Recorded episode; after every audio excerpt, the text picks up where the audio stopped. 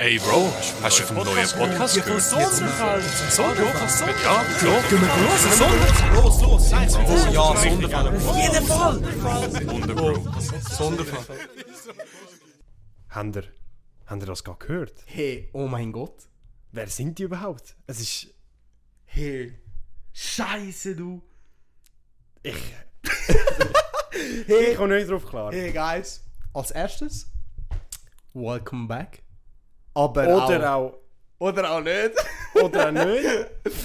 Die äh, 35. Folge vom Nicht mehr- Podcast, Nicht, nicht mehr von dumm, sondern Sonderfall. sondern Der Sonderfall. Podcast Sonderfall. Wir sind beide Sonderfall. Hey, danke, dass ihr uns ausgewählt habt. Dass ihr immer noch da sind. Es Äh, tut uns so leid, falls ihr als erstes von dumm eingegeben habt in der Searchbar und nachher einfach nichts mehr ist. Das nimmt mich wirklich wunder. Nein, es kommen schon noch die alte Schon, Folge, habe ich okay. gemeint. Ja, ja, ich habe es schon mal probiert. Wir haben es glaube gut gemacht, weil die eine Folge heisst ja Footstorm wird professionell. professionell, das ist gerade perfekt. Ja, ja. Findet es uns immer noch. Äh, aber eben, danke, dass ihr da draufgeklickt habt. Mhm. Heute wird eine sehr spezielle Folge, eine sehr lange Folge. Anders, wahrscheinlich. anders, wahrscheinlich. Weil wir haben sehr vieles zum drüber reden, sehr vieles Lustiges, Ja. Spannendes. Äh, wegen Rebranding werden wir noch ein bisschen reingehen. Ja. Ein paar Sachen anschneiden, aber heute könnt ihr euch wirklich zurücklehnen, entspannen, wird, wird lustig. Wird Ja, lustig. das ist, wie, wie soll man sagen, das ist das zweite Kapitel. Das, Chap- jetzt Chapter 2. two. Chapter 2, Wow. zweite Map, die aufgegangen ist. Jetzt. hey, nein, guys, wirklich. Äh, ich hoffe, ihr habt die letzte Folge ange- angelost. Ja. Futzt du mit professionell. Ich würde es empfehlen, ist das sehr lustig, weil dort erklären wir euch, oder die, die die schon gehört haben, haben schon einen Foretaste gehabt, um was das ganze Rebranding gegangen ist äh, und warum wir das auch gemacht haben. Wir haben dort noch nicht den Namen erwähnt. Also Nein. für die, die das erst jetzt auf einmal mitbekommen, wie heißt jetzt Sonderfall? So einfach. Warum? Ähm, schwierige Frage, muss man so sagen. wir sind wieder wirklich vor, vor Folge 1 gewesen. Wir brauchen einen anderen Namen, Ja. der ein bisschen äh, brandsafe ist, ein bisschen, ein bisschen gechillter. Und wir sind wirklich am Brainstorming gewesen und wir sind eigentlich beide nachher auf den gekommen und haben gesagt, doch, das Ja. ist der beste von denen, die wir ausgesucht haben. Und es bleibt halt immer noch, ich sag mal so, in der gleichen Kategorie wie Futzdumm. ja, wir sind, wir sind Sonderfall, wir, sind dürfen Sonderfall. immer noch Scheiße reden. Und, und einfach zum Klarstellen, wir haben wollen ein Sonderfall nennen, aber es ist halt gescheiter. es, das Problem ist halt, auf dem Computer gibt es halt das eh nicht. Es Für uns Schweizer Ä. schon, aber halt auf der Webseite überall gibt es es nicht. Und man müsste es eben AE schreiben. Und dann sieht es scheiße aus. Und dann sieht es verdammt scheiße aus. Und äh, weil ich kann, also auf Insta haben uns ein paar eben geschrieben, weil der Name ist dort vorgelegt worden. Darum uns auf Insta folgen, Unbedingt. weil dort haben wir alle schon mitbekommen. Ja. Äh, aber eben, äh, dort haben wir ein paar so geschrieben, so, ey yo, warum haben wir nicht einen Schweizer Namen genommen? Und eben, das ist eigentlich also, Begründung. wir haben eigentlich beide Namen einfach uns genommen. Po der Podcast selber heisst Sonderfall. Sonderfall und wir sind Sonderfall. Genau, Mehrzahl, Fall, Fälle. Deutsch haben wir noch mitbekommen. Ja, genau. Aber eben, es ist eigentlich nur wegen dem. Ja. Ähm, eben, der Name haben wir. Fang, wir erzählen die Geschichte ganz kurz nochmal, warum wir das alles gemacht haben. Wenn ihr wirklich so detaillierter das alles, wenn eben, hört die letzte Folge an. Äh, dort gehen wir viel mehr ins Detail. Aber eben, der Podcast im Allgemeinen haben wir als Witz angefangen. Ja. Es ist innerhalb von drei Tagen entstanden. Nicht Ja, alles. äh, Cover, Ja, wirklich. Intro. Nein, Intro haben wir ja noch nicht gehabt. Intro haben wir noch keinen gehabt, aber wirklich alle Namen und dann gerade die Webseite, alles. Es Und, ah, bevor ich das vergiss, Shoutout Michel ja, und Kai, wirklich. last minute Baba. Baba. Für die, die Wow. es checkt haben, letzte Folge hast du ja erwähnt, wir sind ein Geschenk an Michel bringen gegangen, hast du ja gesagt. Ja. Es ist ein Geschenk, weil er halt Das Intro... das Intro nochmal neu, also nicht neu gemacht Nein, nicht neu, aber, haben überarbeitet hat. Ja, genau. Und das sehr spontan, alles voll easy genommen. Und Eben, gesagt, hey, also- doch, machen wir. Folge den wirklich. Ja. Äh, eben, Shoutout da ihn und auch an Kai, weil, äh, also Lua Manu, wo uns auch Ist er noch vorbeigekommen?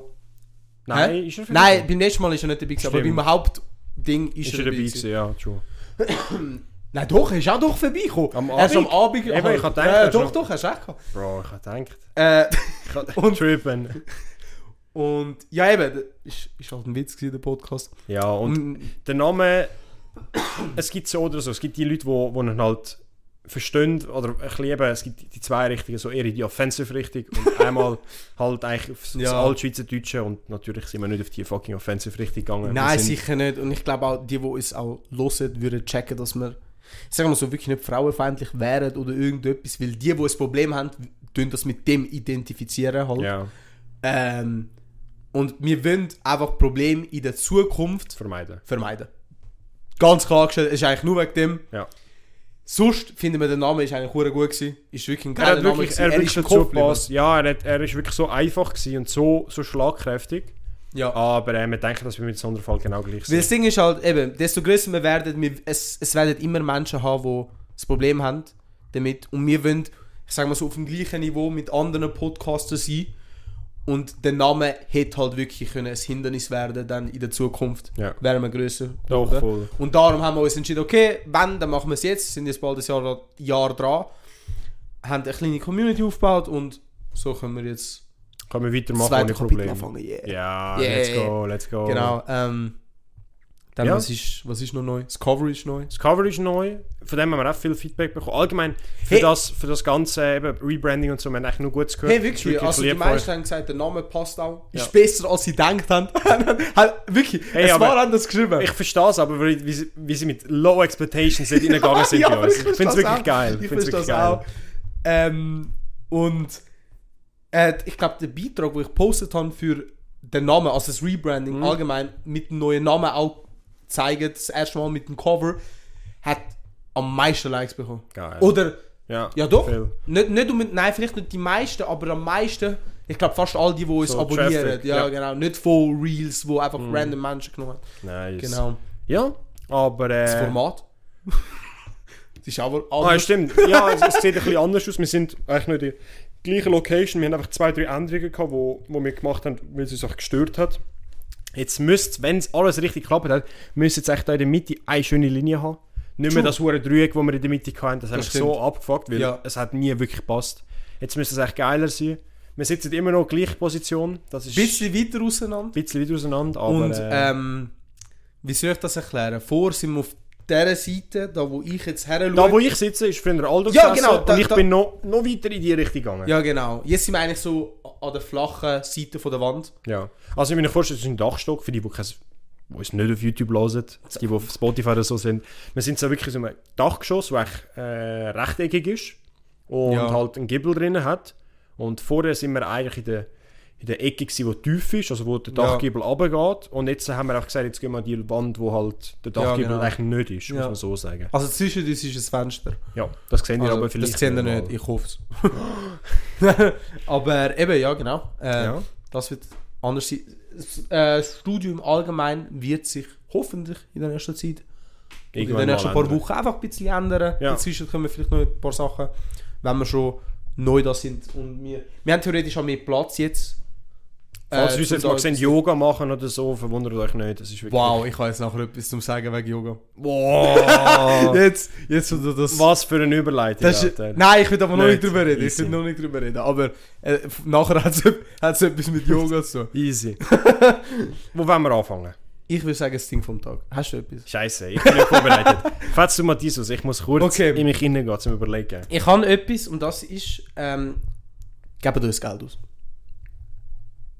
Boah. Weil ihr Geld habt, gebt es aus. Easy. Der Also mit Nein, balden ich will das in dem Sinn sagen, von wegen, ich habe das Gefühl, heutzutage passt man extrem auf sein Geld auf.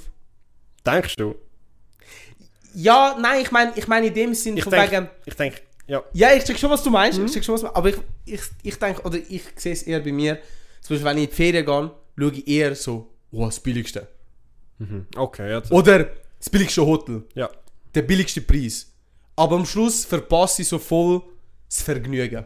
Okay. Du willst eine Aktivität machen, aber siehst, es ist schon 100 Stutz für so drei Stunden. Und du denkst dir so, Alter, hure Scheiße. Und dann die Luna geht unten. Ja, Luna geht unter und du hast es am Schluss gemacht. Okay, okay. Ja, Darum, ich, ich meine das so in dem Sinn. Gebt euch das Geld aus, ihr seid jung. Genießt eure Zeit, bevor ihr jemanden schwanger tönt. Oder schwanger werdet. Geld kommt wieder Das rein. ist hart gewesen, aber Facts. Ja, das, das ist immer wirklich. Ich, ich sehe es ähnlich. Ich bin auch in letzter Zeit viel Geld am Ausgeben. Du extrem. Aber, äh, Aber viel auch am... am Innen mit Investments machen, dies, das. Boah. Nein, ähm, aber finde ich, finde ich fair. Finde ich fair. Ja, man, es ist sollte, eigentlich nur das. man sollte nicht an den falschen Ort sparen. Genau! So würde ich sagen. Tschüss, der So ist würde ich sagen. sehr gut gesagt. Sehr gut gesagt. Hey, Meine, Hast, hast du eins gefunden? ja, ich habe jetzt etwas gefunden. Wasser trinken. Es ist besser, sehen, hallo. Essen. Noch deeper. Und zwar, Okay. du hast mich nicht drauf gebracht. Schon? Ich muss dich verdanken, aber auch, ich muss dich ein bisschen, wie sagt man, Abscheu. ich finde es nicht so geil. Holy shit! Der Alda hat mich wieder in fucking Clash of Clans hineingeführt. Und er, das musst du dir vorstellen, vor so, ich weiß nicht, letzte Woche oder so, ist er bei mir daheim gewesen, wir haben ein bisschen geredet und so. Ja, und da sind wir, und das, wir werden wirklich überwacht, wir haben über Clash of Clans wieder angefangen zu reden. Und ich habe vorher auf meiner tiktok page noch nie Clash of Clans. Ja, noch nie, noch nie. Ich sagte, wir machen, nach auf TikTok, ey, Alles Clash of Clans. Clash of Clans TikTok. Ich habe gesagt, ey, das ist das Zeichen, komm, ich lade es mir wieder runter. Und ich bin jetzt seit wirklich, seit, seit du das gesagt hast, Schon? ich bin am Durchsuchen. Ey, Legende. Legende. Also, das Ding vom Tag, lade Clash of Clans durch Clash of Clans aber.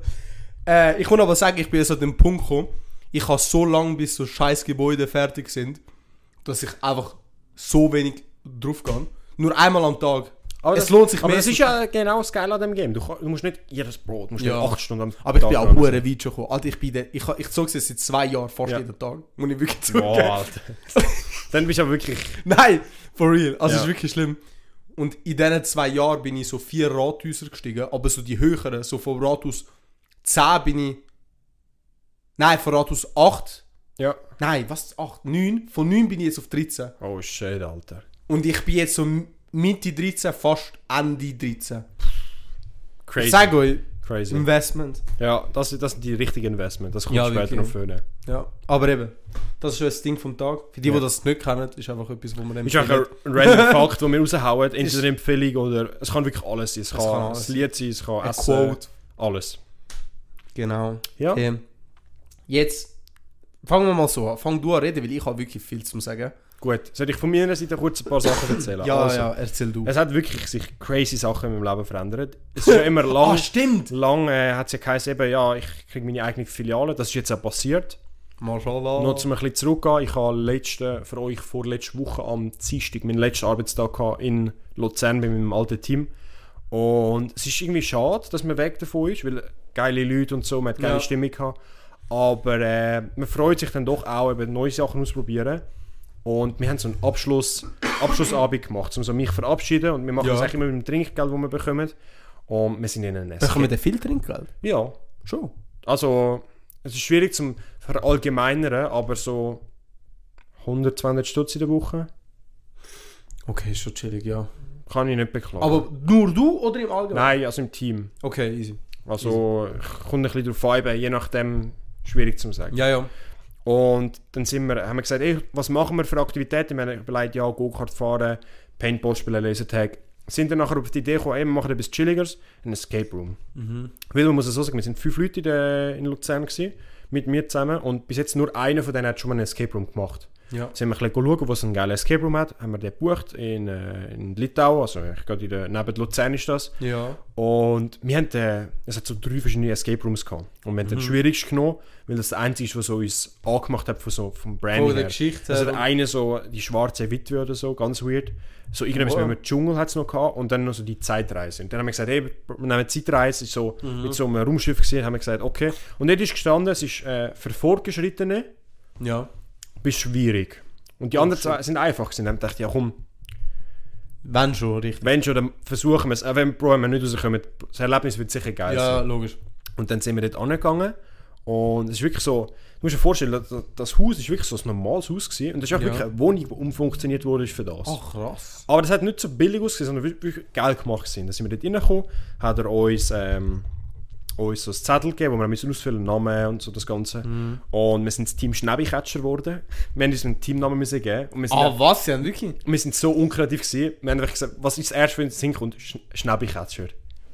Hey, noch nie so etwas Schweizerisches Ja, wirklich. Aber es ist, es ist wirklich das, was uns eingefallen ist. Haben wir gesagt, gut. Noch nie Und- habe ich das Wort gehört bis jetzt. Ja, Bro. Also, übertrie- ja, okay, du, Nein, Bro, ich nicht. du als... Äh, Ausländer.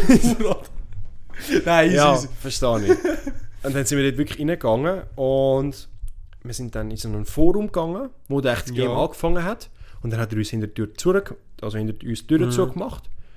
Und dann hat es angefangen. Du musst dir vorstellen, wir waren wirklich in so einem Raumschiff gewesen, ohne Licht und hure viele Knöpfe und so. Und dann ist es ich will nicht echt also tief eingehen für, für die Leute, die das vielleicht noch machen. Es ist wirklich geil gewesen. und es Okay. ist, der Raum ist eben so gemacht, dass er sich verändert hat. Du musst dir vorstellen. Die Türen, wo wir reingekommen sind, haben wir nachher müssen rausgehen. Ja. Aber nicht zum den Raum beenden, um so in einen anderen Raum reinzukommen. Also, du bist so am Trippen gewesen. Du bist eigentlich, wir sind im Hauptraum gewesen, sind einen Raum weiter und dann haben wir müssen zurückgehen. Und nachher haben wir noch einen, einen Raum zurück müssen, obwohl Ja. eigentlich vorher gar kein Raum war.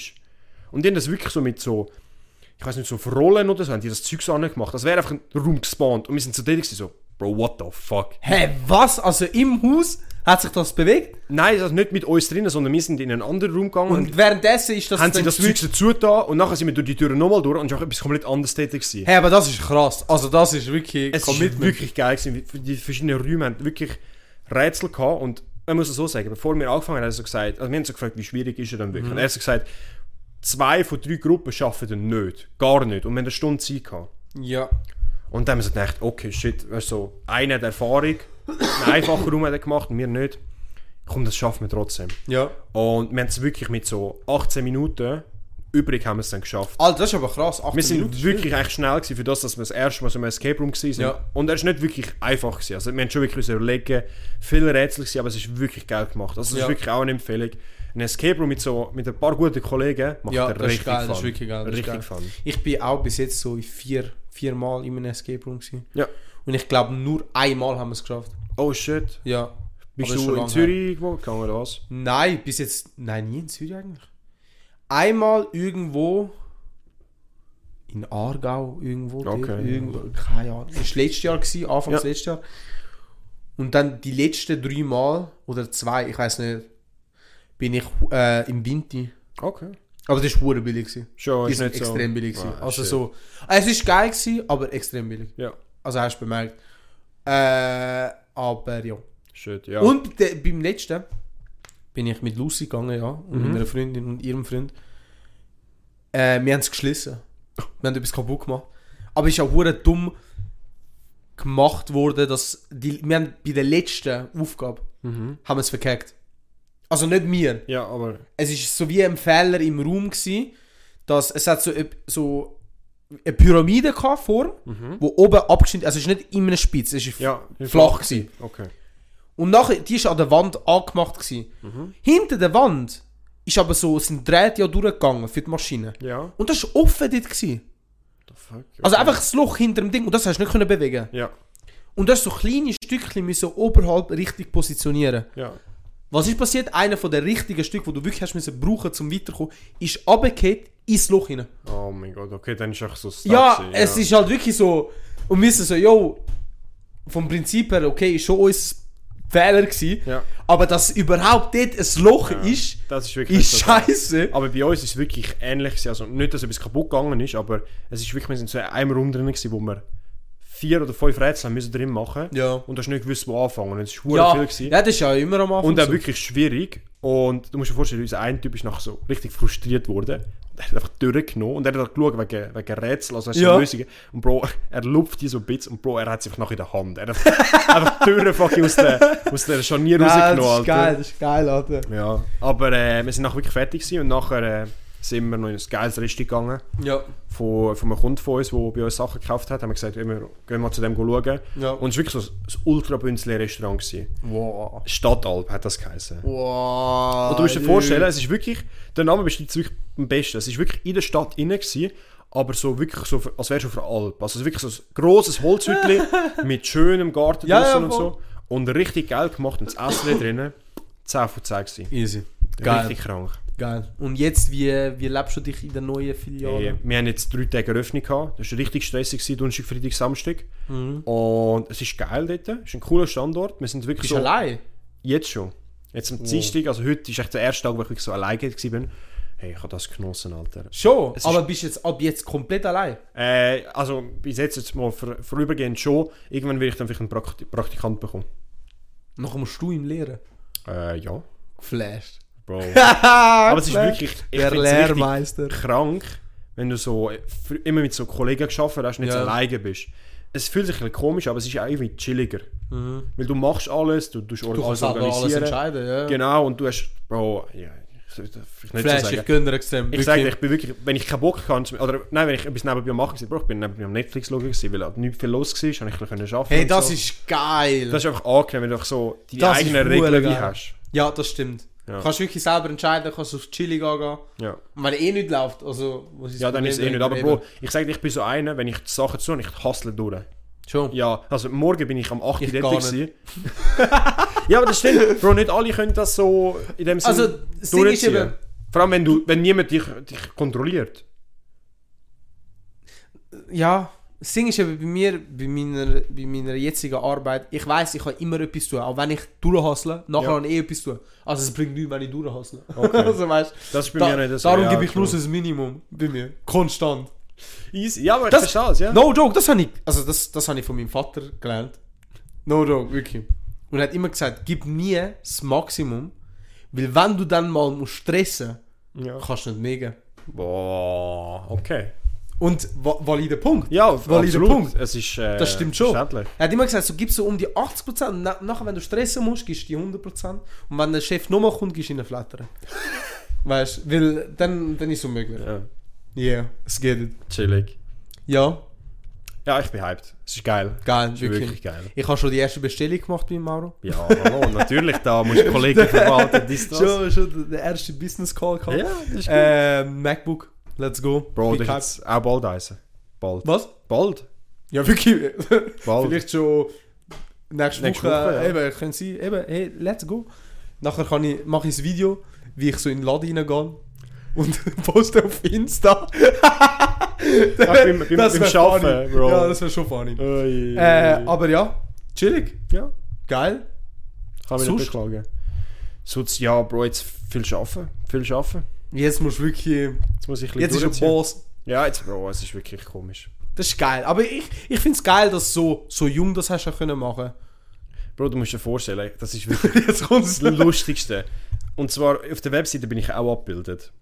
Aber das Ja. Foto, das sie haben, ist einfach so... Das dem Nein. ersten oder zweiten Lehrjahr. Oh nein.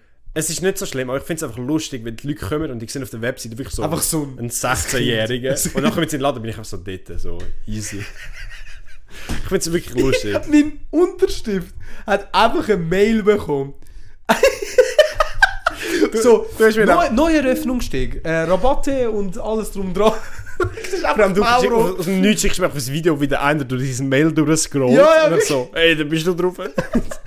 Aber der Zufall, dass genau mein Unterschrift bekommt. ja, das ist wirklich funny, Alter. Ich weiß nicht, Felix, wo, wo du alles angemeldet bist oder so, wirklich, aber geflasht. Jeder Rabatt mitnehmen. Ja, wirklich. Ja. äh, äh, Coupons und alles drum dran. Äh, ja, aber nein. Geil, Ja. wirklich. Fängt auch ein neues Kapitel an. Ja. Ich bin jetzt auch, ich habe jetzt auch angefangen für die Abschlussprüfung üben. Ja, Bro, es ist wirklich... Aber ich fühl's, ich Ja. fühl's, weil das, es zeigt mir so wie, okay, ich mache das, also ich habe etwas gelernt Ja. in diesen vier Jahren. Also Aber es zeigt mir das. Es ist auch rewarding. Ich sag dir, wenn du nachher die Prüfung abgeleitet hast, egal ob du bestanden hast oder nicht, es fühlt sich geil an. Also ich glaube, wenn ich es nicht bestanden habe. Nein, aber ich meine, weißt Ah, wenn du den Prüfung- Moment. Ja, wenn du, wenn du es geschrieben hast, jetzt ist, ist es nicht ja, mehr in deiner Hand. ja, da hast du recht, da freue ich mich. Ja. So in zwei Monaten habe ich sie. Geil. Bin ich gerade in der Prüfungswoche. Geil. Weil ich habe ja wirklich gefühlt eineinhalb Wochen straight Alltag. Boah. Weil ich habe Das eine Woche mühsam. praktisch habe. Das finde ich immer noch krass, dass bei euch das so lang geht. Alter. Ja, einen Stein machen, Ja, ja, logisch. geht halt lang, ja. Aber das sind nicht mehr, weißt du, aus dem UK oder so zählt, weißt du. Doch! Oh, boah, Ja. der Stimmbruch des Todes gerade gehabt. Voice Crack einfach. äh, Ja, es zählt ja schon, aber ich meine, dass wie die Abschlussprüfung aus dem UK oder so, oder während dem UK oder so gemacht ist, wird. früher, früher ist es so gewesen, das ist eben so lustig, sie haben es jede paar Jahre wechselt es. Und vor drei Jahren ist auch gewechselt worden nochmal. Mhm. Aber ganz früher ist es so gewesen, dass du hast können bei dir... Nein, ganz früher, als es angefangen hat, ist so wie es jetzt ist, Ja. dass jeder das gleiche Stück hat müssen hauen in St. Gallen, also dort, wo du Schule hast. Ja. Jeder das gleiche Stück müssen hauen, damit du genau gesehen hast, wer theoretisch am besten Ja, okay.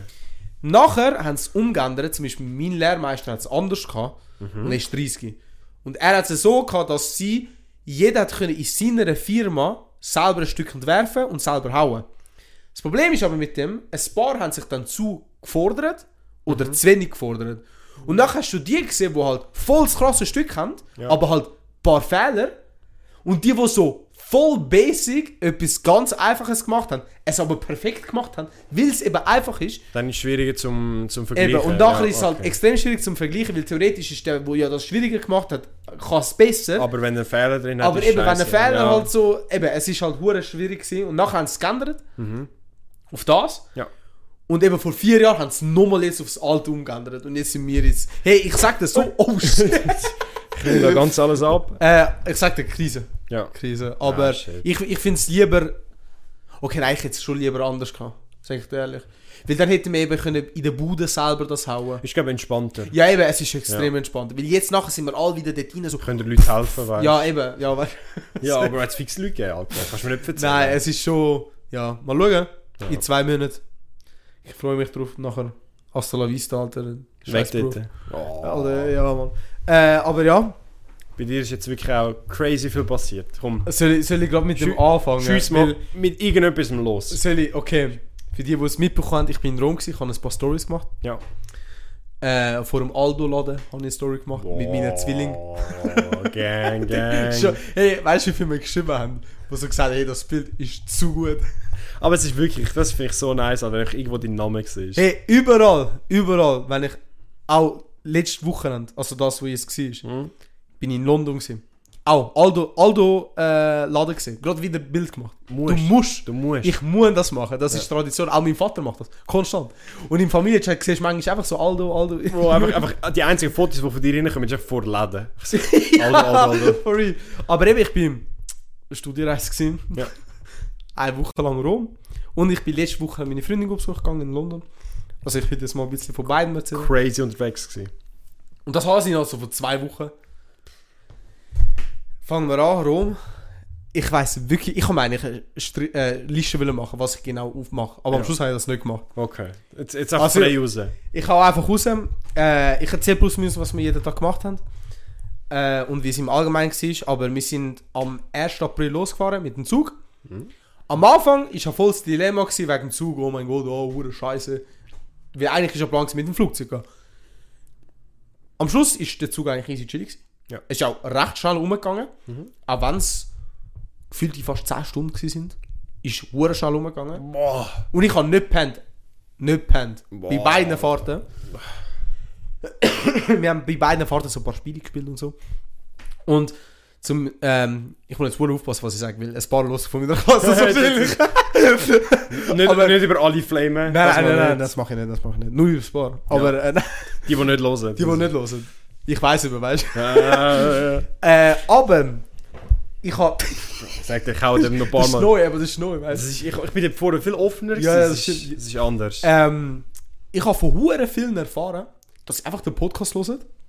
Boah. Hey, und das ist so geflasht von Menschen, weil ich, unsere Klasse ist ja nicht gross. Aber trotzdem habe ich nur mit Gewissen wirklich so tun. enger Kontakt, Weil ja. sonst die anderen sage ich einfach hoi, sonst reden wir ein paar Sätze sonst Mhm. zwischendurch, aber sonst nie wirklich effektiv geredet, nie. Und das ist jetzt, in dieser Woche ist es voll anders gewesen. Ich habe wirklich mit allen gefühlt re- geredet. Aber das ist ja immer so in der Schule. Bro, in der Ja. Kassenlager lernst du Leute neu kennen. Gefühlt. Ja, ey, ich sagte, ich habe ein paar Sachen herausgefunden, wo ich auch schon gesagt habe. weil der Mauro weiß schon vieles, was so passiert ist, so alles Nein, ein so über Sachen. 18. Ja, ich meine, Ja, so okay. alles über 18 weiß er, das, was ich nicht da will erwähnen. Ja. Ähm, ja, aber geflashte Sachen, also wirklich. also, etwas, hat mich, etwas schockt mich bis jetzt noch. ähm, aber eben, wir sind dorthin. Äh, unser Hotelzimmer anders dran gewesen. Also so wirklich. Wir haben drei.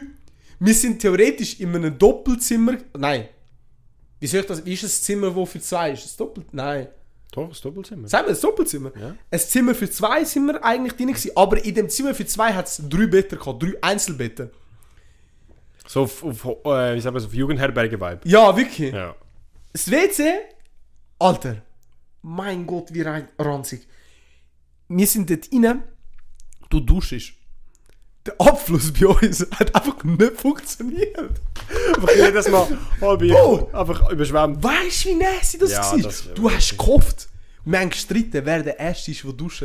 Weil dann hast du halt kein Wasser drin. Und nachher siehst du so, so Socken, Fussel und alles so. Wirklich, nach so einem ganzen Bro, haben die Tag. nicht können Zimmer wechseln oder so? Bro, das ist, als ob die Lehrer so sagen, ja, Nein, nicht leer, aber du gehst in eine Rezession und sagst, Bro, gib mir ein Zimmer, das funktioniert. Oder ist es Es wirklich ist, ein halt schon es ist schon runter, aber es hat so eine halbe Stunde gebraucht, bis es runter ist. Bro, wirklich nasty. Wirklich noch nie so etwas Hässliches gesehen. Aber eben, ich bin das dritte im Zimmer. War auch lustig.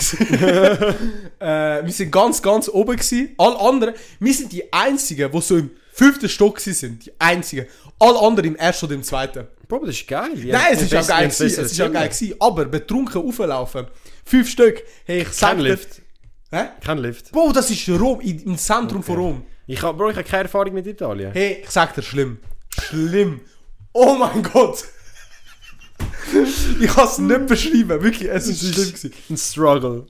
Aber eben, wir haben äh, ein bisschen alles äh, angeschaut.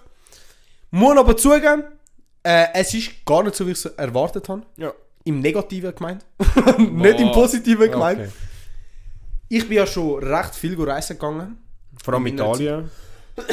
ja, nein, also im Allgemeinen auch. Ja, okay. Aber Italien habe ich schon recht vieles gesehen. Ja. Ich bin wirklich schon fast überall in Italien, außer Rom. Bitter, aber ist so. Aber jetzt bin ich auch in Rom gewesen. Und I don't know. Vielleicht ist, weil ich schon so viel gesehen habe, aber es hat mich einfach nicht so gepackt. Gar nicht. Vielleicht ist Rom eine zu grosse Touristadt. Ja, das kann gut möglich sein. Das kann sehr gut möglich Die Menschen, oh mein Gott, wie viele Menschen. Oh mein Gott. Schlimm. Das Gute ist aber, du hast halt, so im Ausgang hast du können mit anderen Menschen so connecten, wo, Weil Voll. auch Touristen wo sind. auch Ja. Touren sind. Äh, aber ja, äh, zum Beispiel das Kolosseum hat mich so gar nicht gejuckt. Und eigentlich ist das Kolosseum also das Größte. Ich bin, wir sind rein und wieder raus. Allgemein, unsere Lehrerin, die scheiß Jetzt zum Schluss, ey, noch zwei, drei, fangt's zwei, drei Wochen und er fängt fängt an ranten. Ja, jetzt muss ich mir richtig hersitzen. Okay, und erzähl, warum? okay, meine Was ist scheiß Lehrerin. Wirklich, sie hat uns vor dieser scheiß verdammten Reise, hat sie uns ein Skizzenheft gegeben. Ja. Extra, so voll so auf hochnäsig. Ja, da, da ist das Skizzenheft. Nachher müssen wir jeden Tag skizzieren, gell? Und wir so, jo. Was? Also, ja, ja, also im ja, Allgemeinen. logisch, ja. Und ich bin schon auf zwei verschiedenen Studienreisen in der Kunstschule. Und wir Mhm. sind beide mal auf Florenz und auf Carrara und dort haben wir jeden Tag müssen skizzieren. Ja. Das war geil. Gewesen. Wir haben nie Zeit bekommen zum Skizzieren. Bruh. Nie. Bruh. Nie. Sie kommt so. Ko ey, wirklich. Die da. Wir haben sie, am Schluss haben wir wirklich mit ihr gestritten. So auf erste Basis. Auf der Heimfahrt so richtig, ey, komm jetzt. Nein, nein, nein, in der Mitte sogar, nicht mal am Schluss. Am Schluss ist es eigentlich chilliger geworden. Hey, aber die erste Partei, wir haben wirklich schlecht angefangen. Ja. Wirklich. Wir sind angekommen am 4 Uhr am äh, Hauptbahnhof in Rom. Am 4 Uhr. Du musst dir vorstellen, nach einer Stunde sind wir im Hotel gewesen. Am fucking halb sieben haben wir schon müssen rausgehen. Bruh. Geh lauf. Schön. Alles. Nachher sagt sie so, okay, jetzt essen wir. Treffen wir uns am, was hat sie gesagt? Am 9. Uhr. Nein, am 10 Uhr wieder, hat sie gesagt. Wir so, okay, so recht spät. Was, was wollen wir noch am 10 Uhr machen, weißt Hat sie noch das Programm gehabt, oder Ja. was? Oh mein Gott. Und, no joke, bis am halb zwölf Uhr sind wir am Umlaufen gewesen. Am ersten Tag! Äh, Bro, ihr sind die ganze Zeit Zug gefahren, ihr sind ja fit müde. Ja, eben, das, eben, Bro, ich gehe Wir ich sind ich geh, ich geh so zu einer Woche am 10 Uhr pennen, Alter. Ich kenn gar Hey, nicht. ich sag dir, noch nie, ich habe noch nie unsere Klasse so piss gesehen an dem Abend. Alle haben keine Nerven mehr gehabt. Gar keine. Bro, die sind 10 Stunden Ja, okay. in dem scheiß Zug und nachher erwartet sie bis am e- wirklich Programm und nachher läuft sie so voll so, also weißt du, um Oh. und fängt irgend über einen Scheiß an reden, wo niemanden juckt, über niemand eine Kille, wo nicht einmal so groß ist, Ja. einfach eine random Kille, weil sie hat schon mal in Rom gewohnt. Oh, dann ist Weißt so, und dann ist sie so voll so, öh, weißt du, ich weiß alles ist besser. Oh weißt, mein Gott. sie ist das nicht bei uns Das ist vielleicht schon fertig. Es ist nicht Italienerin. Sie ist nicht Italienerin, aber hat, sie versteht vieles Ja. und kann auch recht gut reden. Aber sie, sie denkt, dass sie zu viel reden kann, also Oh. besser reden kann. Hey, und weißt du, etwas, was bei mir so ist, so, ich, ich, mit allen Menschen würde ich mit Respekt umgehen. Ja. Egal, wenn ich einen Menschen hasse, ich sage ihm immer noch Hoi. Oder Grüezi, alles. hey, was die für Faxen die gemacht hat in Rom, das kannst du nicht glauben. Boah. Wir haben so Vortrag müssen machen. Jeder hat so einen Vortrag müssen machen. Bro, Das Vortrag in der fucking Ferienreise. Was ist? Eben, eben. Hey, ich sag, ich könnte drei Stunden lang über das scheiß Oh. Thema reden. Wir haben einen Vortrag müssen machen. Ja. Habe ich das eigentlich erzählt? Nein, eben nicht. Ah, Du- eben. er ist, das Lustige ist, das, was ich weiß, ich weiß so das Herdenzeugs. Und nachher das andere gesagt, ich habe mich aufgeregt, aber ich dir nicht sagen, Bro, wir machen nachher einen Podcast, weißt Ich weiß, ich, das weiß ich gar nicht, weißt aber weißt, das andere Zeugs ist easy. ja, komm. Nachher kurz so. Eben, wir haben alle Vorträge müssen machen. Ja. Ich hatte zwei Vorträge und ein paar haben drei sogar gehabt. Und du hast dich müssen vorbereiten. Ich habe über Kaiser Augustus und der Piazza del Popolo. Eine riesige Piazza. Okay. Und das Ziel war davon, gewesen, dass wir dann, wenn wir dort sind, musst du einfach ganz klar, ganz schnell so das erklären, was da abläuft, was das ist, damit du in dem Moment mehr weißt als die anderen und das kannst vermitteln. Ja. Easy. Ist ja einfach gesagt. Ja, es klingt eher Aber das in echt, in der Osterwoche, das machen mit 15 Leuten, dass jeder zulässt, konstant. Oh. Wir sind 15, jeder hat mindestens zwei Vorträge gehabt. Bö, Bro, 30 Vorträge in, einer Woche. Eben, ich habe meinen Vortrag nicht gemacht. Hey, ist doch gut. Ich habe nur einen gemacht. Äh, noch besser. Und die meisten haben auch nur einen gemacht. Und jetzt haben wir Angst, all, dass sie jetzt. In der nach- Schule kommt. In, nein, in der Schule. Nein, nein, nicht kommt. Dass sie in der Schule sie sagen, ja, warum haben das nicht gemacht? Oh boy, oh boy, ich würde der. Weil, das Ding ist eben, Piazza del Popolo, das ist ja logisch. Du gehst dorthin und nachher checkst du, jetzt muss ich den Vortrag machen. Ich habe über einen Kaiser auch noch. Denkst Wann willst du Bro. so random sagen, ja, jetzt ist der Zeitpunkt, über, einen Kaiser Bro, beim Heimfahren, kurz vor Rüti halb Ja, ja, eben. Hey, der Kaiser August. Kaiser, gut. Aber eben, das ist das Prinzip mit dem Vortrag. Bei einem Vortrag. ja. Der, der, der wird ich nicht vergessen. Der ist so schlimm. gewesen. Eine hat müssen über eine grosse Säule. Nicht Trajan-Säule, falls ein paar die kennen. Das ist so die bekannteste. Aber ist so wie eine Kopie von der. Einfach ein paar hundert Meter entfernt. Okay. In einer kleinen Gasse. So Piazza und kleine Gasse. An der Hauptstraße. Ja. Wir sind dort. Und wie soll ich das am besten beschreiben? Wir sind, das ist ein Fußgängerweg. Äh, Gerade neben dem Fußgängerweg hat es halt Häuser gehabt. Häuser, ja, wie typisch italienisch so Gasse. Bei dem einen Haus, wo wir jetzt angehalten haben, hat es so wie eine Stege gehabt, eine Rundstege am Boden. Also sind wir dort drauf am Sitzen gewesen. Der Weg aber von der, vom Ende von der, äh, äh, von der Stege und zum Trottoir ist vielleicht ein Meter gewesen. Bis zu der Straße dann. Also es ist wirklich nicht viel gewesen. Also du, die meisten sind über die Stege gelaufen, wenn du Ja. dort durch den Fußgänger willst, äh nicht Fußgänger, einfach Fußgängerweg willst laufen. Willst du ja, easy. Du musst dir vorstellen, 15 Leute. Dort auf dieser Stege. Plus einer, der halt muss Präsentieren. präsentieren, Ja. also wo vorne steht. Lehrer logischerweise auch eher so in der Nähe. Mhm. Osterwoche. Konstant Menschen rumlaufen. Gerade auf der Straße hat es auch Autos gehabt, die parkiert sind. Also du hast wirklich nicht können Kein durchgehen. Platz, nicht, nein. Die, die präsentiert hat, sie ist chillig. Sie hat extra so Platz an den Menschen machen, damit sie durchläuft. Lehrerin. Sie ist no joke. Ich übertreibe jetzt nicht.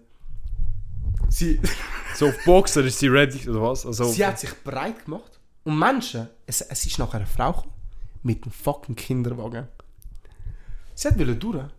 Und unsere Lehrerin hat wirklich sie ignoriert. Sie, hat, sie ist wirklich so am Auto angelehnt, so, so. Die mit dem Kinderwagen geschindert und sie hat, die vom Kinderwagen hat sie so gefragt, so, hey, können Sie mich bitte durchlassen, please, auf Ja, Englisch, ja. ich, oder so. Sie hat es einfach ignoriert. Und wir haben das halt, sie hat gesehen, dass wir sie gesehen haben. Ja. Weil alle anderen sehen sie ja, außer sie. Und nachher sagen wir so, ey, oi, Ingrid, verpiss dich von dort. Weißt du, sie heißt Ja. Ingrid, unsere Lehrerin. Und ich so, jo, was, was tust du jetzt auf asozial? So, es ist ja schon stressig, mach's doch nicht stressiger. So, was ist jetzt das Prinzip? Bro, ich kann mir aber wirklich vorstellen, die ganze Klasse so Ja, abnehmen. wir sind einfach am, wir sind am, wir sind am, wirklich kurz davor am Schreien, sind wir gewesen. Und erst nachdem wir also gesagt haben, so, jo, das ist einfach respektlos, was du machst, erst dann, okay, ist sie, Bro, das kannst du doch nicht machen. Bro. Vor allem. Bro, das kannst du nicht Oh machen. mein Gott. Sie hat no fucks gegeben. Äh. Weißt du, und die, Bro, es ist so, un noch nie habe ich mich so fremdgeschämt glaube ich, in dieser Woche weg ja. Und eben, es ist so, mit null Respekt gegenüber die anderen, so, es ist wirklich, es ist wirklich arschlochmäßig. Extrem. Sorry, wenn ich das sage, Aber die, wo, die, wo das los von der Schule, die checken ganz genau, was ich meine. So, und das Ding ist eben, bei diesen Vorträgen, das ist jetzt so ein Einzelfall gewesen, von wegen, wir sitzen all dort, also los ist automatisch zu. Ja, kannst nicht anders Bei den machen. meisten Vorträgen bist du irgendwo auf einer Piazza. Am Schluss von diesen Vorträgen, weil ein paar sind wirklich so, sorry, wenn ich das jetzt sage, ein paar Schüler von unserer Klasse nehmen das zu ernst und machen dann gefühlt die 10 Minuten Vortrag. So, ich habe keine Ahnung, von wo die die scheiß Motivation haben, um so Vortrag zu machen. Aber es gibt immer so Leute, die Hey! immer übertreiben in der Schule. Immer. Like, ich habe meinen Vortrag, fünf Sätze, fertig, alles Wichtige gesagt und alle sind happy gewesen. Ja. Weil alle so gesagt haben, hey, du hast es gut gemacht, weißt du? Du hast nicht abgefuckt, Du hast nicht abgefuckt, du fertig. hast, du hast das Wichtigste gesagt. Keine. Fragen, Keine Fragen. Ja. Ja, Wir wissen alles. Hey, und es hat die paar, drei, vier scheiß Nutten Söhne, Alter. Oh die haben Gott. fünf bis zehn Minuten gemacht. Am Ende von diesen zehn Minuten, niemand hat mir zugelassen. weißt du, checkst du nicht, nein. Am Schluss sind nur drei wortwörtlich vor ihr am Start gewesen. Ein paar sind am Rauchen gegangen. So wirklich... Ultra Disrespect, Aber- Die eine ist einen Vortrag machen und Oh die mein- andere einfach aber durchziehen. extrem. So niemand hat Bock auf dem Scheiß gehabt. Bro. eine, das tut mir wirklich leid, wenn ich das sage, eine, es hat, wir haben wirklich so 50-50 gehabt mit dem Wetter. Es, Hälfte ist hure geil und Hälfte ist hure scheiße gewesen. Ja. Am zweiten Tag hat es geregnet und koglet. Ich habe eine Story auch gemacht, glaube ich, wegen dem. Wo ich fett auf Fresse gehabt bin nachher. Bevor ich fett auf Fresse gehabt bin, hat es noch nicht gekogelt. Ja. Wir sind draußen am Start gewesen und wir haben, eine hat müssen über das Judenquartier müssen in Rom reden. Eigentlich hure spannend. Genau in dem Moment fängt es an zu hageln. Sie ist eine von denen, die 5 bis 10 Minuten geredet hat. Und wir sind also dort. Bist du dumm? Like, Oder auch irgendwo anders anders, da weißt du so, like. ja auch, aber in dem Moment hat es halt Ja. nicht gehabt. Aber vom Prinzip her würde ich dann einfach sagen, so, okay, ich sage jetzt einfach nur drei Sätze, fertig ist es. Was willst du da noch? Noch nie hat es so gehagelt. Ich kann wirklich schlimm. Bro, ich bin Und der- ihr redet einfach so, ob nichts wäre. Nichts. Bro, ich finde ich find's so geil, wenn du, weil du so hässig Ja, bist. aber es ist so. Oh Ja. mein Gott. Ja, nein, ich, verstehe es aber. alle nass geworden. Komplett.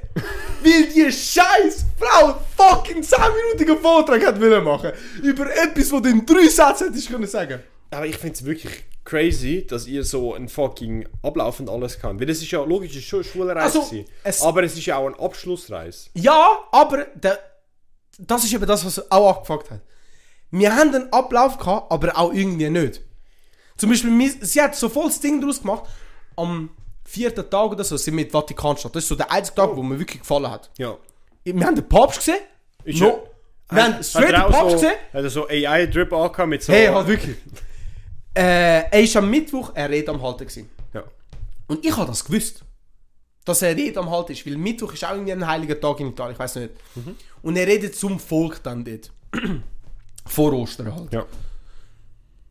Und eben, das ist eine Sache von so, äh, wie soll ich sagen, äh, Informationen sammeln, logischerweise.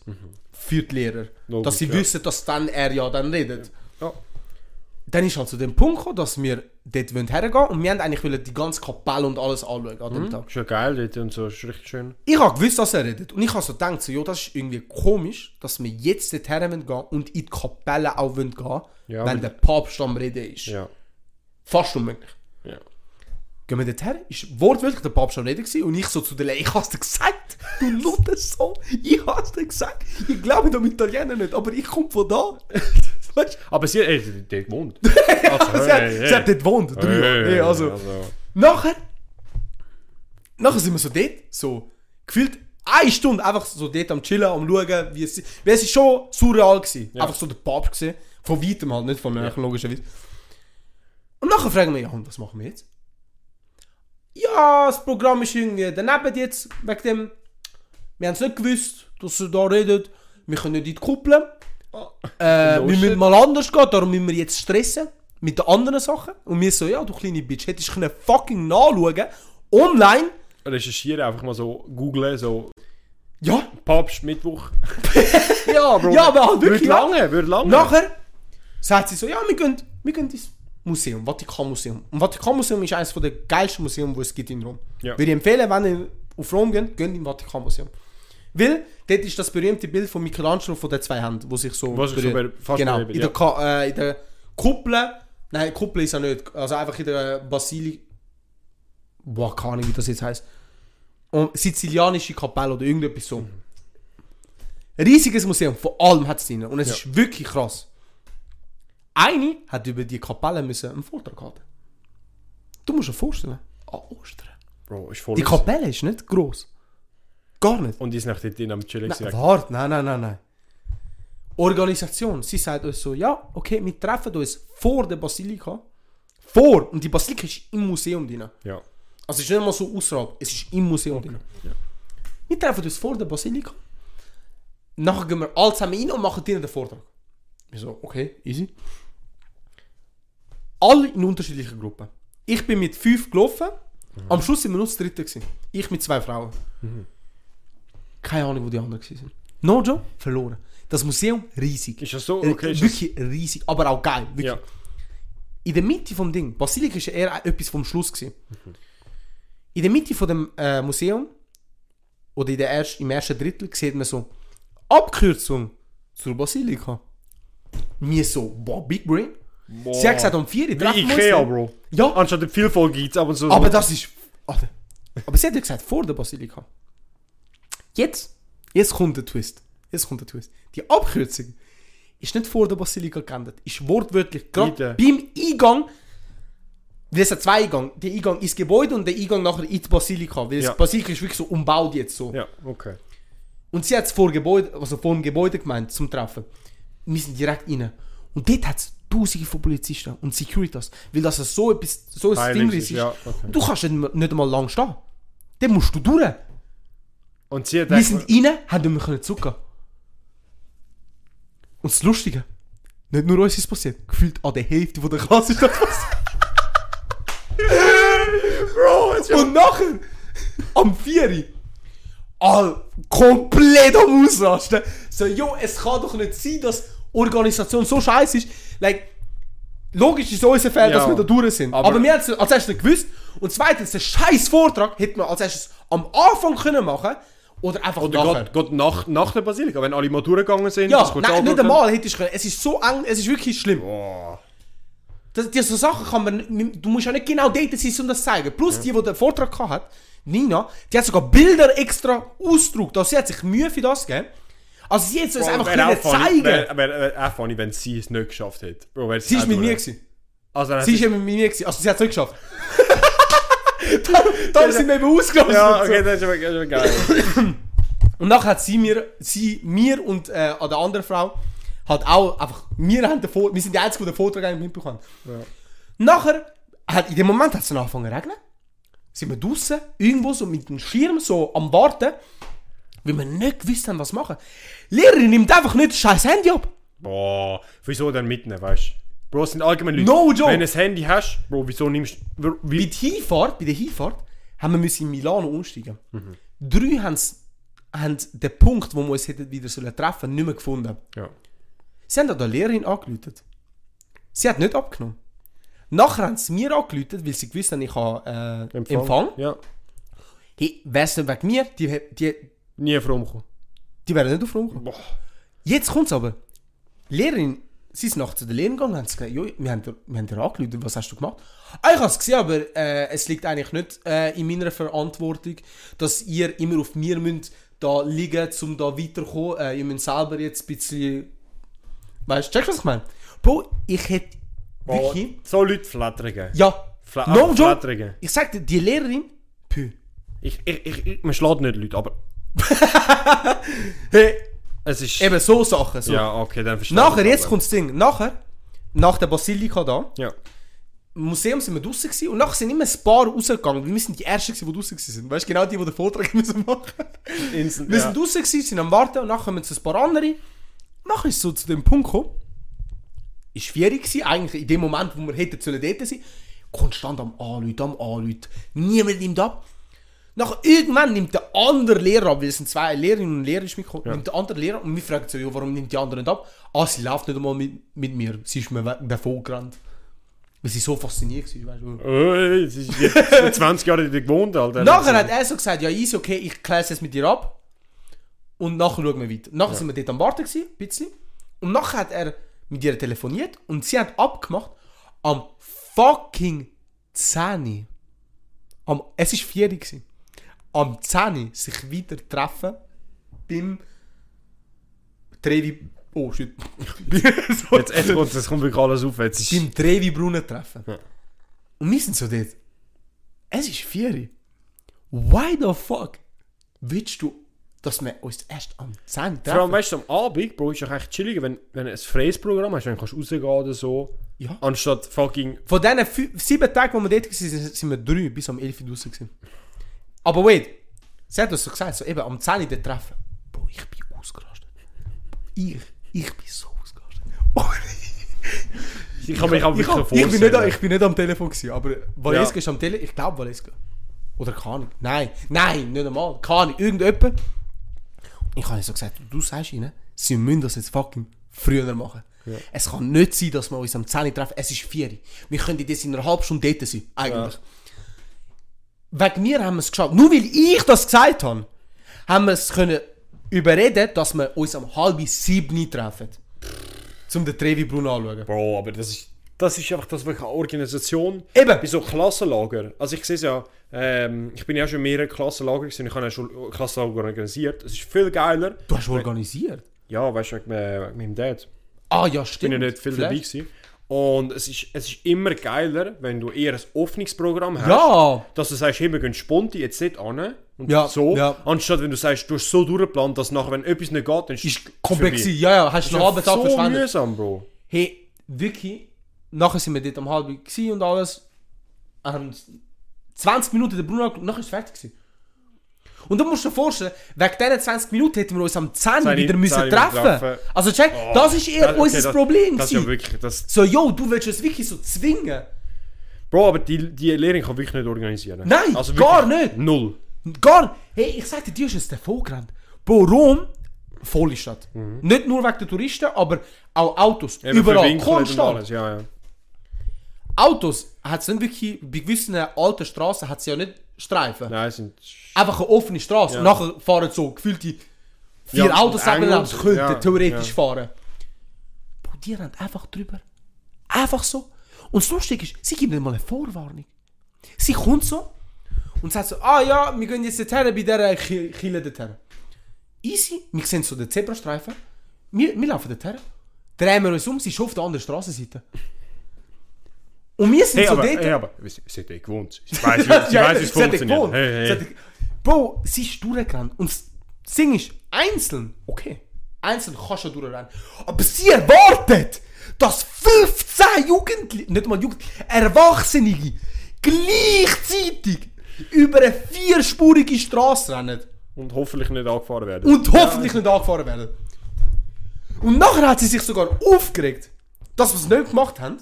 Und erst am Schluss hat sie dann so Verklagen. realisiert. Verklagen. Ja, erst am Schluss hat sie dann so realisiert. Ja, es bringt nichts. Weil, auch wenn sie durchgerannt ist, es hat immer ein paar gehabt, die es nicht geschafft haben. Also hast du trotzdem müssen warten. Also wärst du aufs Gleiche drauf angekommen, wärst du einfach über das fucking Zebrastreifen gegangen. Boah. Hey, ich sag, wirklich schlimm. Doch, doch, doch, doch. Ja, das. Das ist aber wirklich... Also ich sag dir, das die ist Woche hat uns mental Gefickt. gefickt. Komplett. Also, wirklich schlimm. Ja, doch, Ähm, das verstehe ich. Aber Bro, es ist, es ist ja wirklich... Vor allem so ein Abschlusslager. Ja, eben, Es ist doch so eben. viel geiler, wenn du ein bisschen gechillteres machst. Und vor allem, Bro, die sind erwachsen. Eben, das ist das Lustige, wir sind nicht 16. 5., 6. Klasse, 1. Sek, 2. Sek, easy, aber. Die meisten, Die meisten sind so über 20. 20. Die meisten sind über 20. Was, was denken die? Sind die 15, die kommen nicht alleine klar? Weißt du, so. Das ist schlimm. wirklich, das ist echt. Dann etwas, was wirklich schlimm ist, sie haben uns eigentlich einen freien Nachmittag ähm, also gesagt, dass Ja. sie uns wird geben. Kein einziger. Von sieben Tagen. Gell? Vor allem eben, ist ein lang dort gewesen, weißt Wäre so drei Tage, easy, verstehe ich, Ja. kein Problem, wir müssen alles anschauen. Boah, wir sind sieben Tage, vom Samstag auf Samstag dort gewesen. Das ist, das Wir haben Assi. nicht einmal einen halben Tag frei gehabt. Das ist Assi. Nicht. Das ist Assi. Also wirklich, das Gute ist dann, am Abend haben wir es immer so mit Alkohol verdrängt. Finde ich, ey, finde ich wirklich fair, Alter. Also. Ich, äh, ja, was du machen? Wenn, wenn der den ganzen Tag so scheiße ist, Alter, dann musst du dir ein bisschen Ja. Geben. Das einzige Gute an dieser Lehrerin ist, sie hat gegönnt. Weil wir sind zweimal gegessen gegangen, einmal von diesen Mal hat sie alles selber gezahlt. Ja. So, gefühlt die 700 Stunden. Bro, aber Für die 15 besser Leute. so, besser so. Ja, nein, für mich besser. Besser so. Dann, immer als wir so einen Kaffee holen gegangen sind oder so, hat sie auch immer so, manchmal hat sie immer selber gezahlt. Ja. Oder, ähm. Ja, nein, eben einfach. Manchmal hat sie Hat gespielt und das ist okay. geil. Äh, ja. Oder, ja. Das ist Ich, ich könnte wirklich noch tausend ja, weitere das das ist wirklich also Eben. asozial. Ausgang hat uns wirklich gerettet. Äh, wir sind. Wir sind nicht. Oh, wie soll ich das sagen? Wir haben eigentlich voll clubmäßig schauen gehen, was so um hat in Rom, weil es ist eine Hauptstadt. Theoretisch müsste ja etwas haben. Das Problem ist aber, äh, der Ausgangsviertel, so clubmäßig, ist im Süden von Rom. Und ist recht weit weg. Gewesen. Ja. Also recht weit, so 25 Minuten mit dem Auto. Theoretisch nicht mega weit entfernt, aber wir sind 15. Und die meisten haben schon mitkommen. Ja, aber es ist mühsam, mit wenn dem so Bus ist halt schon ein bisschen so keine Und wir haben keinen Bock gehabt, viel Ubers bestellen oder so. weit- Ja, Darum haben wir gesagt, jo, scheißegal, gehen nachher. Bar. Ja. Am ersten Abend haben wir nicht wirklich viel gefunden, weil es fucking elfig war. Was- Zweiter Abend genau Wunder. gleich. Ja. Genau gleich. Aber haben, äh, am zweiten Abend sind wir schon in einer Bar geguckt. Äh, nachher am dritten Abend hat es angefangen. Ja. Dritten Abend sind wir äh, ein bisschen weiter weggegangen, also gelaufen. Mhm. In einem anderen Viertel. Und da haben wir schon gemerkt, okay, da läuft schon mehr. Ja. Hey, wir haben äh, eine Bar gefunden. Hey, so geil. Ist hure klein gewesen, so gleich groß wie der Raum da, wenn nicht sogar kleiner. Alter. Also von dem Ort, wo du kannst sitzen, Ja. Ist in einer Gas gewesen, wo alles auch Bars, also alle Menschen sind draußen gewesen und alles. Wirklich geil. Wir haben auch Glück gehabt mit dem Wetter, es hat nicht geschifft in dieser Nacht. Sind wir dorthin und wir sind nur das Sechste gewesen, der, in der, am Montag. Voll abgegangen. Anders. Geil. Also, ist immer, Dienstag, härtester Kater. Bro, wir, müssen, wir sind zu den Katakomben gegangen vor. Ja. Das ist auch recht geil gewesen. Aber wir haben müssen gefühlt 40 Minuten dorthin mit dem Bus. Boah, schlimmste 40 Minuten von meinem Leben gewesen. Hey, ich sag dir, vor allem am Morgen früh, weißt eben, du. So, eben, am 7. haben wir müssen, haben wir müssen ready sein am 7. Weil, Das, boah, das. Boah, mit, mit so Kader. Uh, Bro, müssen schlimm. nicht sein, müssen nicht wirklich sein. schlimm. Ein paar haben, nein, eine hat gekotzt, eine an dem Abend. Tut mir leid.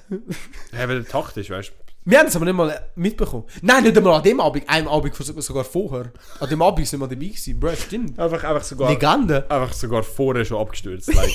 ist gut, hey, wir sind da. Äh, ja, das. Ähm, und nachher, einen Tag danach, haben wir so gesagt, okay, wir chillen jetzt, wir sind gestern ist anders abgegangen. Nachher, am Mittwoch, haben wir irgendwie so voll mit ihnen geredet. Das war äh, Vatikan-Tag, Ja. mit der mit dem Museum und alles. Ja. Und nachher, nach dem ganzen Tag, haben wir so gesagt, jo, wir müssen jetzt etwas machen. Weil wir haben mit der Lehrerin geredet und sie hat so gesagt, ja, es kann sein, dass heute so der letzte Abend ist, wo wir so eher frei haben. Das bedeutet, dass Donnerstag, Freitag wir bis am 11 Uhr haben. Checkst Ja, so. und dann ist. Und dann haben wir so alle so gesagt, okay, nein, dann Jetzt müssen wir, wir, ja. heute gehen saufen gehen alle zusammen. Weil sonst lohnt es sich nicht. Ja, logisch. Vor allem, wenn es mit, mit so 20 Freitag sind wir alle zusammen essen gegangen, also hättest du eh nicht können. Ja. Und Donnerstag haben wir nichts gemacht. Aber Mittwoch, holy shit. Abgegangen. Wir sind in die gleiche Bar wieder gegangen. Ja. Einer von uns hat sich schlecht gefühlt und ist halt äh, am Nachmittag im Hotel geblieben. Mhm. Und darum haben wir, also Hotel geblieben, wissen schon, also es ist Ja. ihm schon, am Morgen ist ihm wirklich schlecht gegangen, aber, Aber er am Nachmittag ist es eigentlich gut. Ja. Also es ist ihm gut gegangen. Und darum hätte er eigentlich auch können kommen. Aber er hat dann einfach gechillt. Ja. Ist er schon ein Bier, Bier am Trinken gewesen. Und nachher ist er einfach, wir haben ihn so gezwungen, zu der Bar gehen schon, zum Reservieren. Weil dann sind wir fucking elf gewesen. Boah. Doppelt so viel wie vor, oder zehn, ich weiß nicht. Ja. Die Frau, also die Bar dort, ist von einer Frau gewesen, Profit haben sie gemacht. Ich sag dir, der Touristen Wert von der, von, die, von dieser Bar, Ja. Ab, sag dir, Abzug, alles. Alter, wir haben, no joke, am ersten Abend haben wir schon so eine Rechnung von so 500 gehabt. Ja. Am Montag. Am Ding, am, nein, nicht 500, was sage ich? 200, 250. Am Mittwoch haben wir dann eine Rechnung von 500 gehabt. Boah. All. komplett betrunken. Okay, komplett, ja, nein, also aber- nicht komplett, komplett, aber, Aber, einfach aber gut, gut. gut angetrunken, Ja. auf jeden Fall. Gewisse mehr wie andere. Alter, anders lustig gewesen. Wir sind raus und die Bar hat das halt schon gekannt. Ja. Und letztes Mal am Montag hat es halt wirklich geile Musik gehabt. Und jetzt am Mittwoch dort sind wir so dort gewesen, so, ja, hat so Jazzmusik gehabt. Und theoretisch Jazz ist ja nicht schlimm. Wir aber es ist- aber es ist lame, Aber wir also so so- ein bisschen den Hype aufbringen. Ja. Hey, ich, Big Brain, die anderen haben mich auch gezwungen, so halbwegs. Aber ich, so, weil ich auch Italienisch kann, bin ich zu der Frau gegangen, so, hey, könnt wir Musik ändern? Ja. Sie so, ja, wahrscheinlich, gibt sie mir einfach das iPad mit fucking Spotify drauf. Oh! Ab dem Punkt. Ist nur noch psch, bergauf. Bergu, aber nicht so leicht, so steil. So. so. Banger auf nach Banger, wirklich alles habe ich laufen lassen. Also, Boah, geil. Ich musste so zwischendurch ein paar italienische Lieder laufen lassen, weil Ja, Sonst- hat noch andere Leute. Ja, hey, auch da andere Leute. Dann immer mehr Menschen. Wir, haben so, wir sind so abgegangen, konstant. Immer mehr Menschen sind gekommen. Immer mehr, immer mehr. ist- das- Auch vorne. Und das wegen uns. Weil wir so.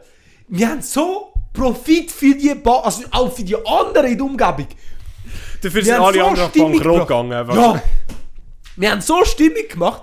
Hey, ich sag dir, unfassbar. Nachher, halt, wie wir angetrunken waren, sind wir draußen gewesen. Und nachher habe ich auf einmal gesehen, ein paar sind ein paar am Klären gewesen. So, schau da zu meiner Unterschrift. Der, der weiss Geschichte. Sag jetzt nicht mehr. Ja. Pri- Recht privat.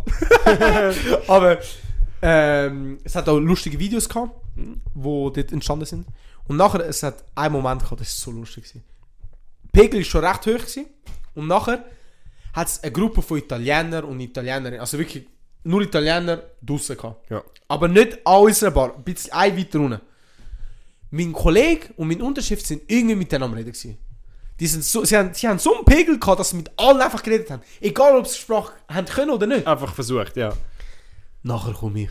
Und ich habe immer so den, den Magic Trick gehabt, dass ich Italienisch haben können. Boah. Ich ja. gehe rein, so voll am Italienisch, hey ragazzi, hey!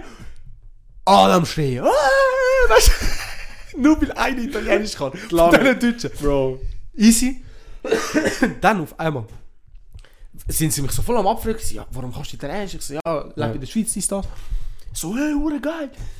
Und nachher so einer hat so gesagt, ja, lerne uns Deutsch bei. Ich so, okay, jetzt kommt's, habe ich so gesagt, jetzt kommt. Was bedeutet Merda?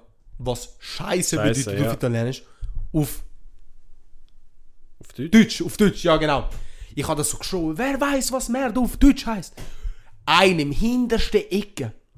Scheiße! So am Schreien. Bro, es ist einfach so in den Club draussen geworden. Alle am Gumpen, alles.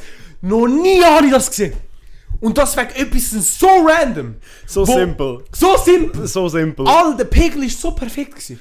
Einfach alle am Abgehen, alle am Schreien. Boah. Nur weil einer Scheiße geschoben hat. In einer Gruppe von Italienern. Bro, das ist bei der Fremdsprache immer so. Bro, das Erste, wo du kannst, ist einfach fucking irg- Ver- irgendein Scheissdreck, Fluchwort, ist scheißegal. Hey, so lustig gewesen. Nachher der Heimweg, das ist auch easy funny gewesen. Äh, wir sind am... Ah nein, nachher wegen Zahlen. Ja. Wir haben wirklich Panik wegen der Rechnung. So extrem Panik gehabt. Wir Ja. haben gewusst, yo, shit. Ich sagen, bin währenddessen immer so mit ein paar am Chillen und so voll so, auch die tiefen Gespräche, dort ist so dort, wo ich so hure geflashte Sachen von gewissen Erfahren, mitbekommen. ja. Da, du weißt ja... Ich, ich weiß was. Ja, ja, ja. Das ist geflasht. und,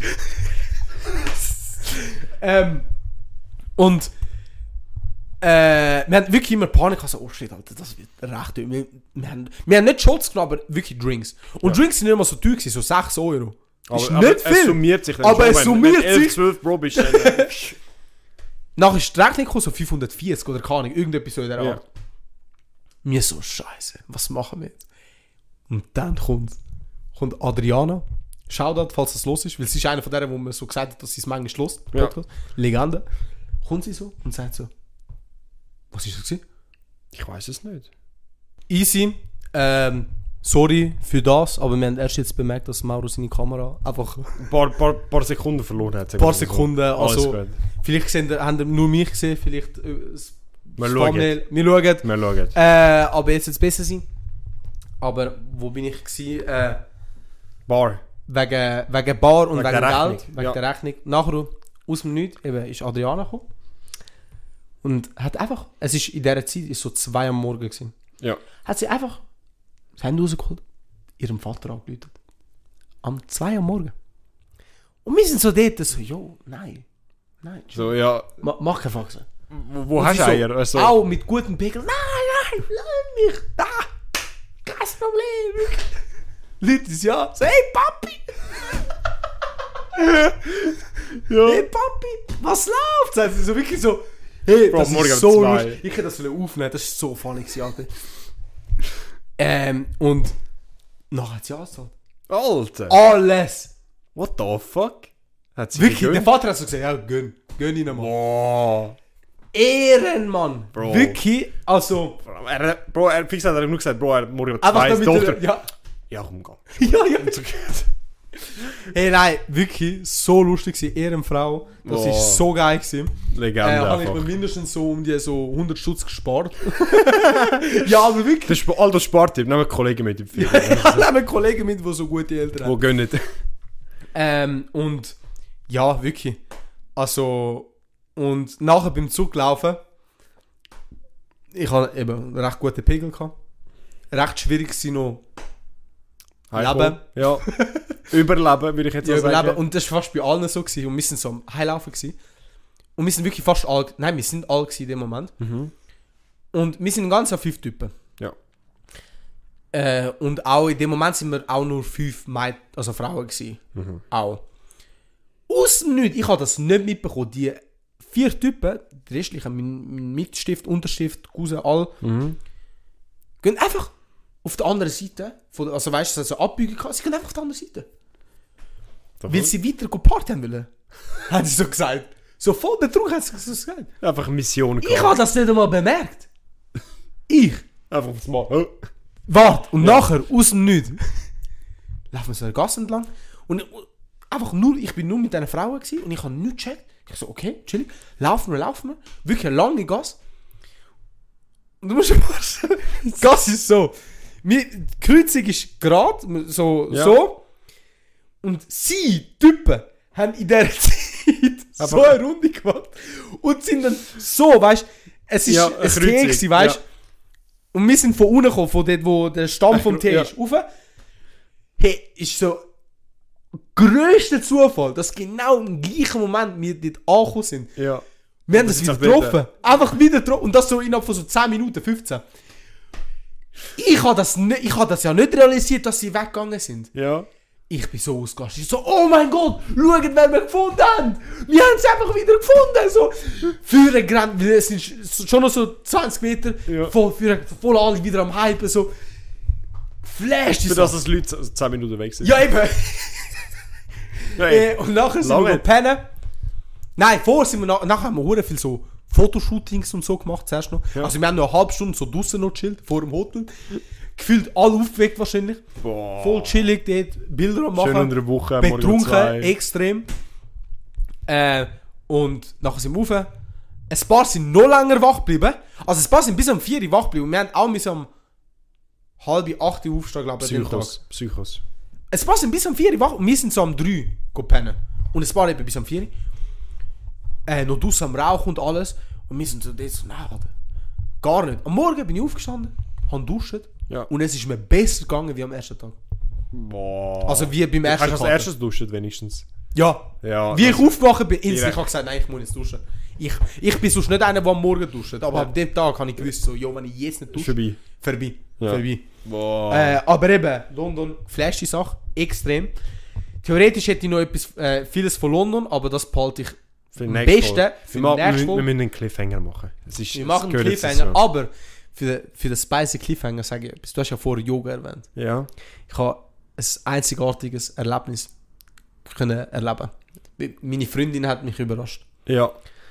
Und Ich mit hab- dem zu hat, oder was? Papi Yoga. Noch nie gehört. Dann Okay. bleibt es so. Gut. Scheiße. Dann muss ich auch noch mal anschauen, was das ist. Papi Yoga, weißt du das? Nein. Weißt du wirklich nicht, was es ist? Nein. Papi Yoga. Bro, Was denkst es- du, was können sie? Papi. Was ist, pa was ist ein Papi? Ja, ein Vater. Papi, nicht Papi. Papi. Englische Wort. Puppi. Papi. Aha, also ein Puppen-Yoga. Nein, das ist das Deutsche. Du, du. Bro, du bist. Fürs nächste Mal sparen wir uns das nächste Mal, okay.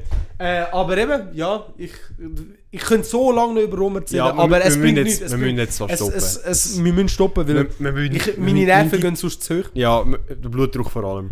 Das ist eher das. Aber ja, eh, Danke, ich sage heute fürs Zuhören. Äh, äh, bewertet uns. Ja, unbedingt. Nach dem Rand brauchen wir eine Bewertung. 5 Sterne Bewertung. Jetzt könnt ihr uns auch die Kollegen teilen mit, mit einem neuen ja, Namen. jetzt könnt ihr uns wirklich, es wäre easy lieb. jetzt haben wir einen neuen Namen, jetzt, jetzt, jetzt können wir es machen. Ich habe auch von jemandem so eine Nachricht bekommen, ah, jetzt kann ich über euch reden vor meinen Kollegen, ohne so ein schlechtes Gefühl haben. Ja. Oder so ein Hin- ein In Hintergedanken. den Kopf, ja. Gönner, Bro. Darum bewertet uns, teilt uns, wäre hure lieb. ja. Schreibt uns, wenn ihr Irgendwelche Input haben oder etwas uns sagen Wir sind da für euch. wir sind da. Ja, Wir sind Psychiater. auch. Kommen wir also Manchmal- trotzdem zu uns. Wenn ihr wirklich harte Psychiater-Folge hören wollt, hört den Valentinstag-Special an. Boah, die ist, die ist, Die die ist heavy die ist heavy. Die ist wirklich anders heavy. heavy gewesen. Aber eben, danke, dass ihr uns zugelassen habt. Ja, wir wünschen euch, ich würde mal sagen, einen ganz schönen Morgen, Mittag oder Abend. Schönen Arbeitstag, Arbeitsweg. Egal, wenn ihr das loset. Hey, Danke und ciao. das nächste Kapitel fängt an.